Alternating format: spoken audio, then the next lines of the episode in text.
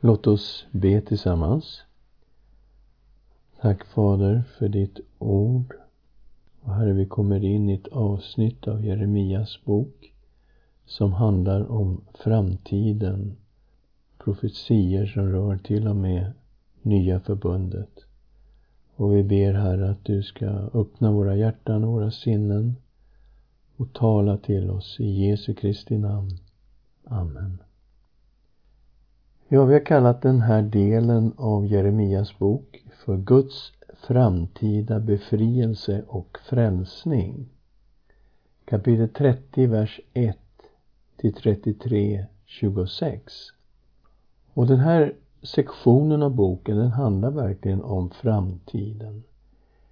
Det gäller naturligtvis befrielse ur Babel, men dessutom en framtida befrielse som skulle fullbordas genom Jesus Kristus.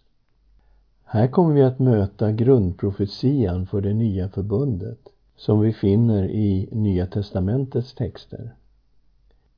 Profetiorna är specifikt riktade till Israel och inte till hedna folk som vi. Vi ska senare se på vilket sätt vi hedningar kommer in i bilden så att det nya förbundet skulle kunna inkludera oss också.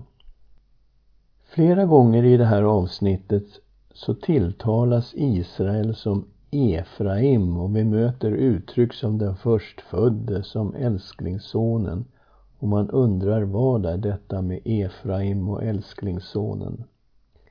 Det här anspelar ju på att Josef var Jakobs älsklingsson. Och det är något man kan se i Första Mosebok 37 och 3. När Jakob senare skulle adoptera Josefs båda söner Manasse och Efraim, då välsignade han dem. Och Jakob satte då den yngre Efraim framför den äldre Manasse. Det här är i Första Mosebok 48, vers 17 till 20. Och att de verkligen adopterades, det bevisades av att de sedan räknades bland Israels stammar. De fick också varsitt stamområde när landet delades upp. Det är det här som är grunden till att Israel ibland kallas för Efraim, att han sattes först, före Manasse. Vi ska titta på den första delen av det här avsnittet i Jeremias bok. Jag kallar det för Gud lovade att Israel skulle återuppstå. Kapitel 30, vers 1 till 31, vers 30. Och man kan faktiskt undra om de här profetiorna var baserade på en dröm som Jeremia hade haft. För han skriver så här i 31.26. Med det vaknade jag och såg mig om min sömn hade varit skön. Så det tycks ju åtminstone som en del av de här profetiorna kommer ur en dröm. Den här delen förutsätter ju att Israel har straffats för sin synd. Men Herren hade ett syfte med sitt straff. Det liknar närmast en fars fostran av ett olydigt barn. Så här läser vi i kapitel 30, vers 11. För jag är med dig, säger Herren, för att rädda dig. Jag ska göra slut på alla de folk bland vilka jag spritt ut dig. Men dig ska jag inte göra slut på, bara tukta dig med rättvisa, för helt ostraffad kan jag inte lämna dig. Så det finns en fostran i de här straffen som Herren ger Israel och Juda. Och det är viktigt att komma ihåg att först efter fångenskapen var det som Israel blev en monoteistisk nation. Innan dess är det helt uppenbart att de hade stora problem med avguderi. Så Gud har gjort någonting med det här folket under fångenskapsperioden som har gjort att de blev monoteistiska och bara tillbad Herren. Vi möter här också att Jeremia skulle skriva ner profetierna, kapitel 30, vers 1-3. Detta ord kom till Jeremia från Herren. Han sa, så säger Herren Israels Gud, skriv upp i en bokrulle alla de ord som jag har talat till dig. För se, dagar ska komma, säger Herren, då jag gör slut på fångenskapen för mitt folk Israel och Juda, säger Herren. Jag ska låta dem komma tillbaka till det land som jag gav deras fäder och de ska ta det i besittning. Och helt klart är det här riktat till hela folket. Även Israel som gick under 722 och som fördes bort i fångenskap till Assyrien.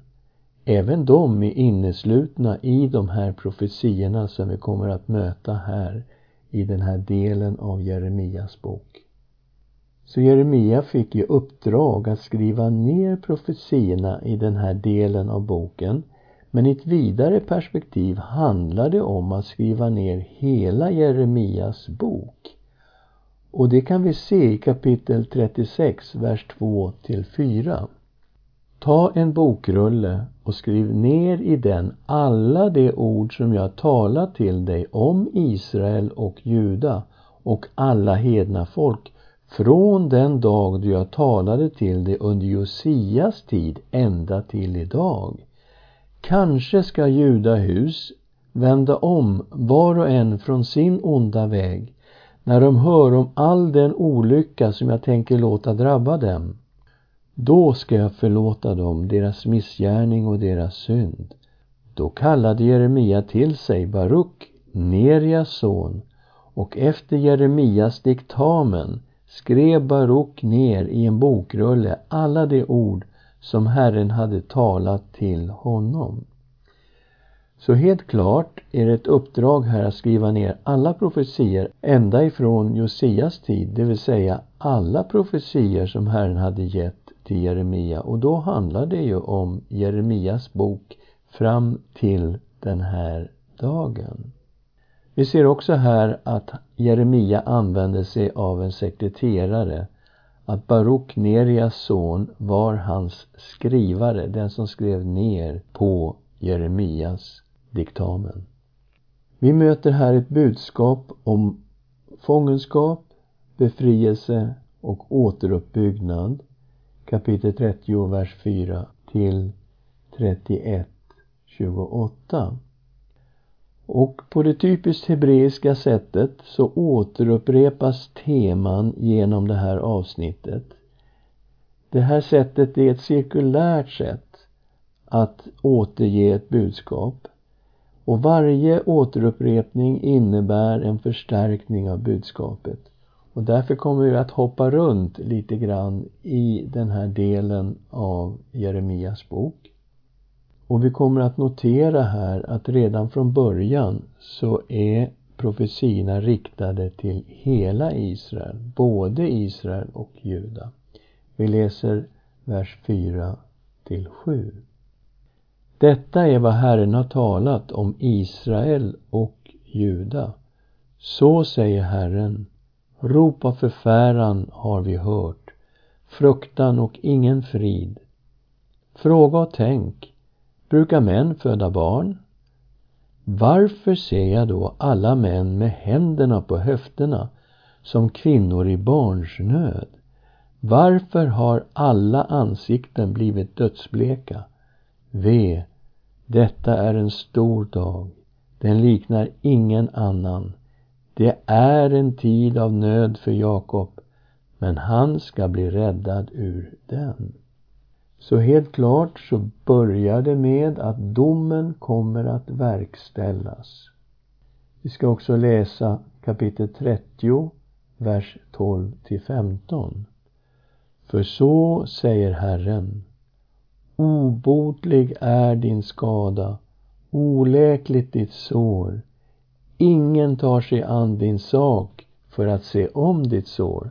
Det finns inga läkemedel och ingen läkedom för dig. Alla dina älskare har glömt dig, de frågar inte efter dig. för jag har slagit dig med en fiendes slag. Jag har tuktat dig hårt, för din skuld är stor och dina synder många. Varför ropar du över din skada? Obotlig är din plåga, därför att din skuld är stor och dina synder många har jag gjort dig detta. Så helt klart möter vi den här tesen som finns överallt i Jeremias bok, att synd leder till straff. Vi såg också ett uttryck här att alla dina älskare har glömt dig och det syftar på avgudarna som då Juda och Israel har bedrivit andlig otukt med. De har begått andligt äktenskapsbrott med de här avgudarna när de har tillbett dem och övergett Herren.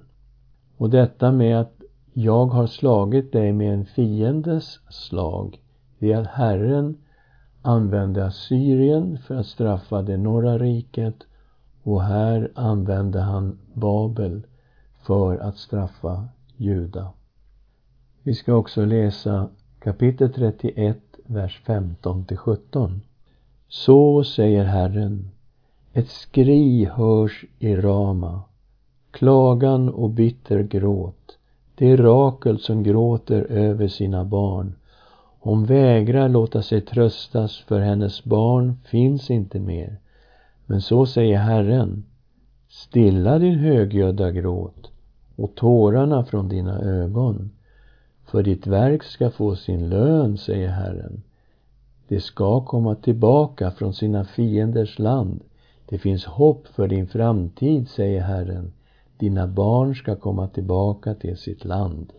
Och här möter vi först en vers som är citerad i Matteus evangeliet i samband med barnamorden i Betlehem när Herodes hade skickat soldater för att döda Jesusbarnet. Vi vet att Herrens ängel uppenbarade sig för Josef och Josef, Maria och Jesus kunde fly till Egypten. Men därefter så verkställdes ju ett barnamord över alla små bebisar i Betlehem. Och där kommer den här versen i Matteus evangeliet. Det skri hörs i Rama. Att det var Rakel som begrät sina barn. I den här kontexten i Jeremia så handlar det om att det står att hon vägrar låta sig tröstas för hennes barn finns inte mer. Och det är klart att många hade dödats i de här domarna som hade gått över Israel och Juda.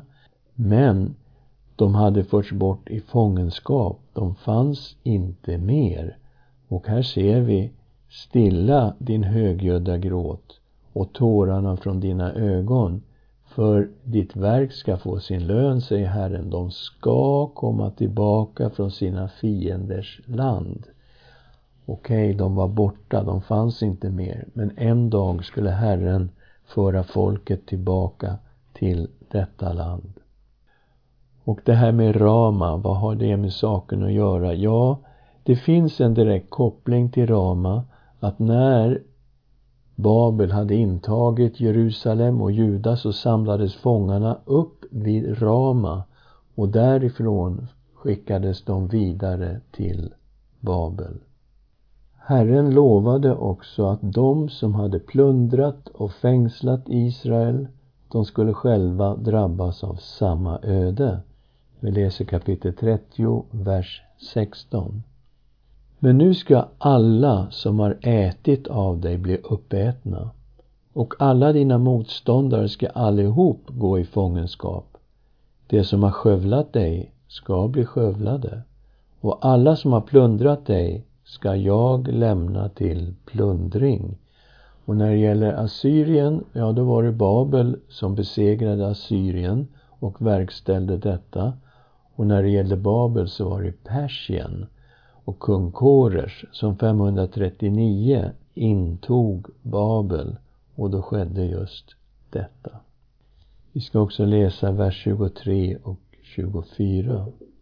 Se, Herrens stormvind bryter fram, full av vrede, en härjande storm. Den virvlar ner över de ogudaktigas huvuden. Herrens brinnande vrede ska inte vända åter förrän han har utfört, förrän han har fullbordat sitt hjärtas tankar. I den yttersta tiden ska ni förstå det. Så det var ju naturligtvis ingenting de kunde förstå. Då, när Babel belägrar Jerusalem och intar staden och förgör landet. Men när de kommer att se på det i framtiden, då kommer de förstå att Gud har handlat och också dömt Babel. Vi möter här en kvarleva, en troende rest av folket som ropar till Herren om frälsning. Vi kommer förstå i det här stället att det finns kopplingar till det nya förbundet som vi kommer att studera nästa gång. Men kopplingarna finns här. Det handlar om människor som har omvänt sig, människor som tror på Herren och som följer Herren. Vi ska läsa kapitel 31, vers 7. För så säger Herren, jubla i glädje över Jakob, höj fröjderop över honom som är den främste bland folken. Låt lovsången ljuda och säg, Fräls, Herre, ditt folk, dem som är kvar av Israel. Och det här uttrycket, den som är kvar, alltså det har att göra med kvarlevan, det vill säga en troende del av Israels folk. Och när vi kom in i Nya Testamentet så märkte vi att aposteln Paulus i Romarbrevet beskriver verkligen de troende judarna som kvarlevan i nytestamentlig tid. Vi möter bön om omvändelse så att den blir sann och äkta. De upplever att de behöver Herrens hjälp för att verkligen kunna vända om.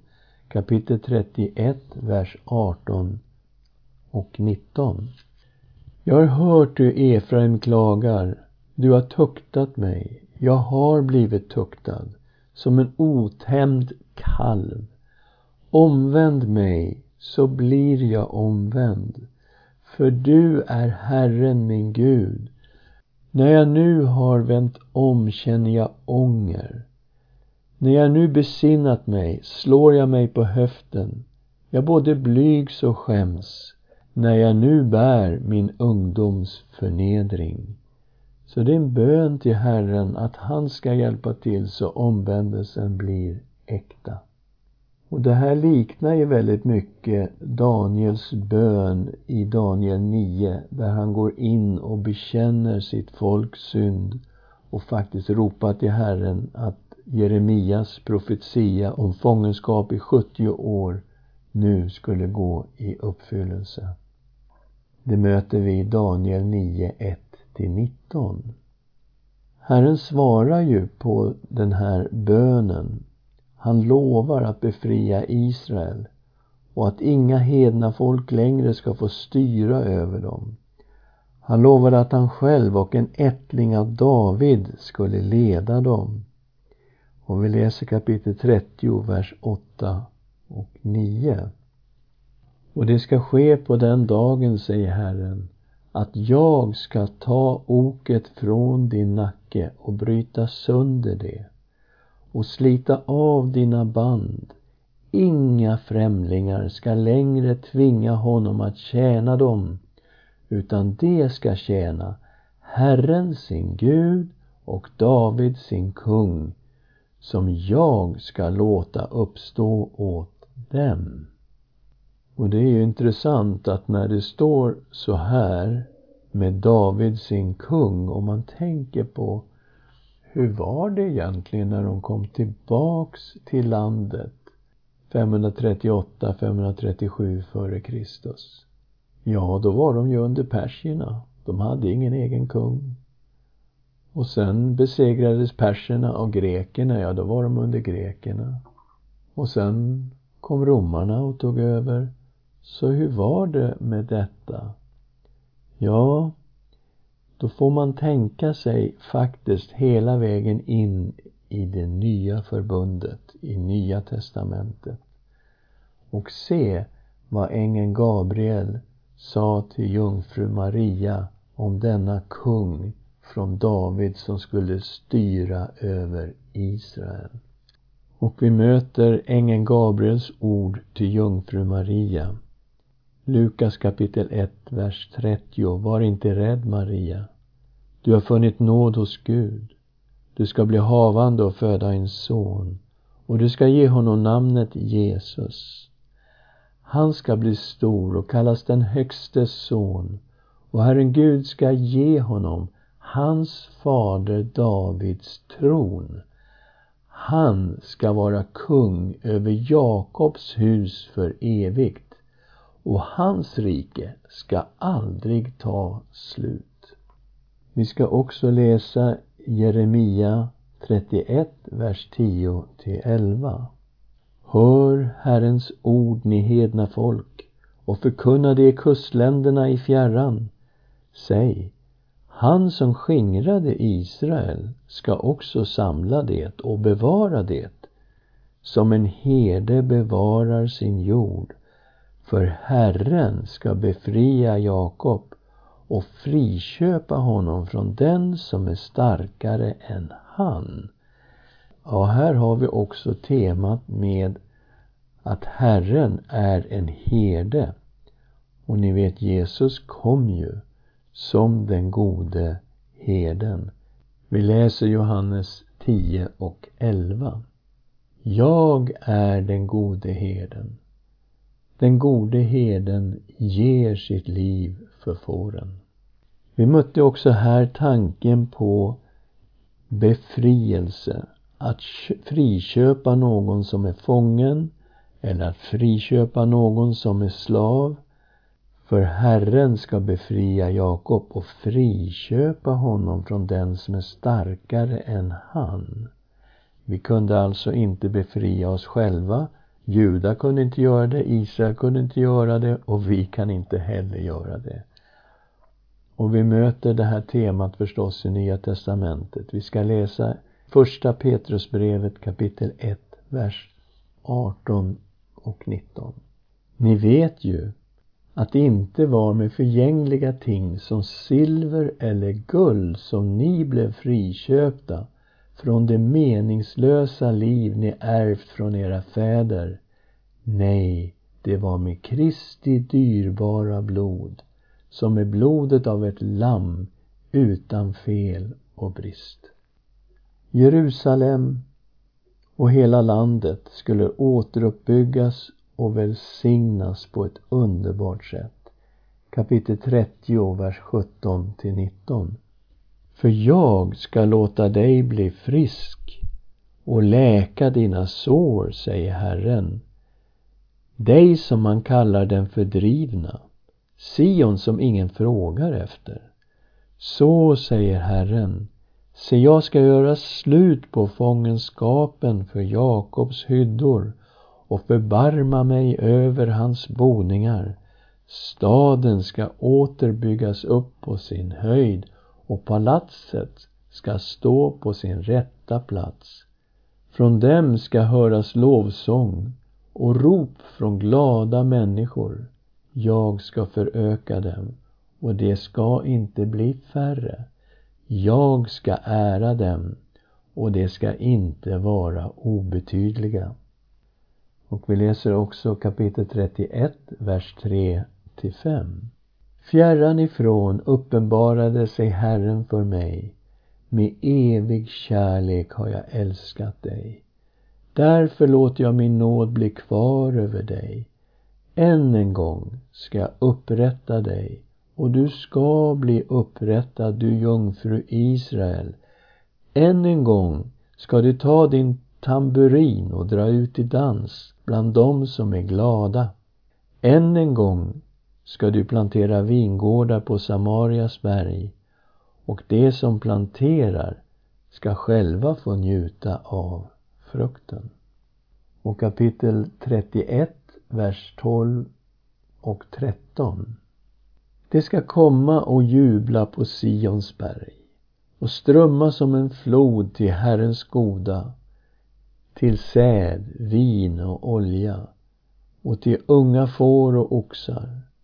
Deras själ ska vara som en vattenrik trädgård och det ska inte sörja mer. Då ska flickorna vara glada och dansa. Unga och gamla ska glädja sig tillsammans. Jag ska förvandla deras sorg till glädje och trösta dem och glädja dem efter deras bedrövelse. Och vi ser här att det rör hela folket. Det var flickorna och det var de gamla. Alla var med i denna glädje. Och det här med att deras själ ska vara som en vattenrik trädgård, någonting som grönskar. Ja, det liknar ju väldigt mycket det vi läste om i Jesajas bok, kapitel 58, vers 11. Och Herren ska alltid leda dig, han ska mätta dig i ödemarken och i styrka åt benen i din kropp. Du ska vara som en vattenrik trädgård och likna en källa vars vatten aldrig sinar. Och vi vet att det här språket i Jesaja bok det handlar också om den helige Ande. Vi läser kapitel 44, vers 3 och 4 i Jesajas bok. För jag ska utgjuta vatten över det som törstar och strömmar över det torra. Jag ska utgjuta min ande över dina barn, min välsignelse över dina avkomlingar, så att de växer upp bland det gröna gräset som pilträd vid vattenbäckar. Vi ser Herrens löfte om att utgjuta sin ande över sitt folk. Och vi möter här i Jeremia ett land som skulle återuppbyggas och välsignas. Kapitel 31, vers 27 och 28. Se dagar ska komma, säger Herren, då jag ska beså Israels land och Judaland med säd av människor och med säd av djur. Och liksom jag har vakat över dem för att rycka upp och riva ner, förstöra, förgöra och skada, ska jag nu vaka över dem för att bygga upp och plantera, säger Herren.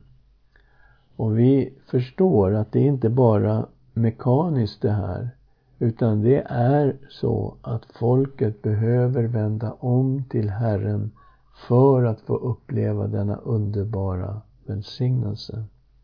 Men det här begreppet med att rycka upp och riva ner, förstöra, förgöra, skada men också om att bygga upp och plantera.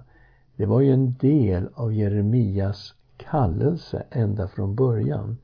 Kapitel 1, vers 10. Jag sätter dig idag över folk och riken för att rycka upp och bryta ner, förgöra och fördärva, bygga upp och plantera. Och det här är något av en tolkningsnyckel för hela boken. Det är just på det här sättet som vi möter profetiorna i Jeremias bok. Herren skulle beskydda Israel i framtiden. Kapitel 30, vers 20. Hans söner ska bli som förr. Hans församlade ska bestå inför mig. Och jag ska straffa alla som förtrycker honom. Gud ska vara folkets beskydd. Och vi möter här en relation mellan Herren och hans folk som är mycket innerlig, väldigt varm. Vi läser kapitel 30, vers 22. Och ni ska vara mitt folk och jag ska vara er Gud. Och det här är någonting som vi möter i just den här delen i Jeremias bok. Och vi förstår att det handlar om kvarlevan Människor som har vänt om och som vandrar med Herren. Vi möter det mitt i löftena om det nya förbundet, kapitel 31, vers 33. Nej, detta är det förbund som jag efter denna tid ska sluta med Israels hus, säger Herren. Jag ska lägga min lag i deras inre och skriva den i deras hjärtan. Jag ska vara deras Gud och det ska vara mitt folk. Vi möter också i kapitel 32, vers 38. Det ska vara mitt folk och jag ska vara deras Gud. Och vi har också mött det här uttrycket tidigare. I kapitel 24, vers 7 kunde vi läsa. Och jag ska ge dem ett hjärta som känner mig. Och jag är Herren. Det ska vara mitt folk och jag ska vara deras Gud. För det ska vända om till mig av hela sitt hjärta. Här ser vi grunden för att den här intima relationen mellan folket och Herren skulle vara möjlig. Det var att folket omvände sig till Herren. Och efter skulle det inte vara två riken utan det skulle vara ett rike. De skulle komma ifrån den norra delen av riket och tillbe Herren i Jerusalem. Kapitel 31, vers 5 och 6. Än en gång ska du plantera vingårdar på Samarias berg och de som planterar ska själva få njuta av frukten. För det kommer en dag då väktare ropar på Efraims berg Kom, låt oss dra upp till Sion, till Herren vår Gud. Israel skulle ha en ledande position bland folken. Kapitel 31, vers 7. För så säger Herren, jubla i glädje över Jakob, höj fröjderop över honom som är den främste bland folken. Och det här med att Israel ska vara den främste bland folken, det går tillbaka till de välsignelser som Gud hade lovat Israel om de hade hållit förbundet. Då skulle Israel vara huvudet och hedna folken skulle vara svans. Men vi kan också läsa där att om Israel bröt förbundet och började tillbe andra gudar då skulle Israel bli svans och folken skulle råda över dem. Och vi kommer till de här kända verserna att var och en skulle få ansvara för sin egen synd. Kapitel 31, 29 30. På den tiden ska man inte mer säga Fäderna åt sura druvor och barnens tänder blev ömma. Nej, var och en ska dö genom sin egen missgärning. Den som äter sura druvor får själv ömma tänder. Och troligen ska det här uppfattas som att folket som kom tillbaka till landet inte längre skulle behöva ta ansvar för vad som hände innan fångenskapen. Utan Herren skulle nu verkligen börja något helt nytt. Men samtidigt är ju dessa två verser inledningen till profetian om det nya förbundet. Där vi uppfattat att var och en enskilt behöver omvända sig, bekänna sin egen synd och personligen ta emot Jesus Kristus som sin Herre och Frälsare. Men Nya förbundet, det ska vi studera om nästa gång. Låt oss be tillsammans. Tack Herre för att vi kommer in här i en del av Jeremias bok med så många löften.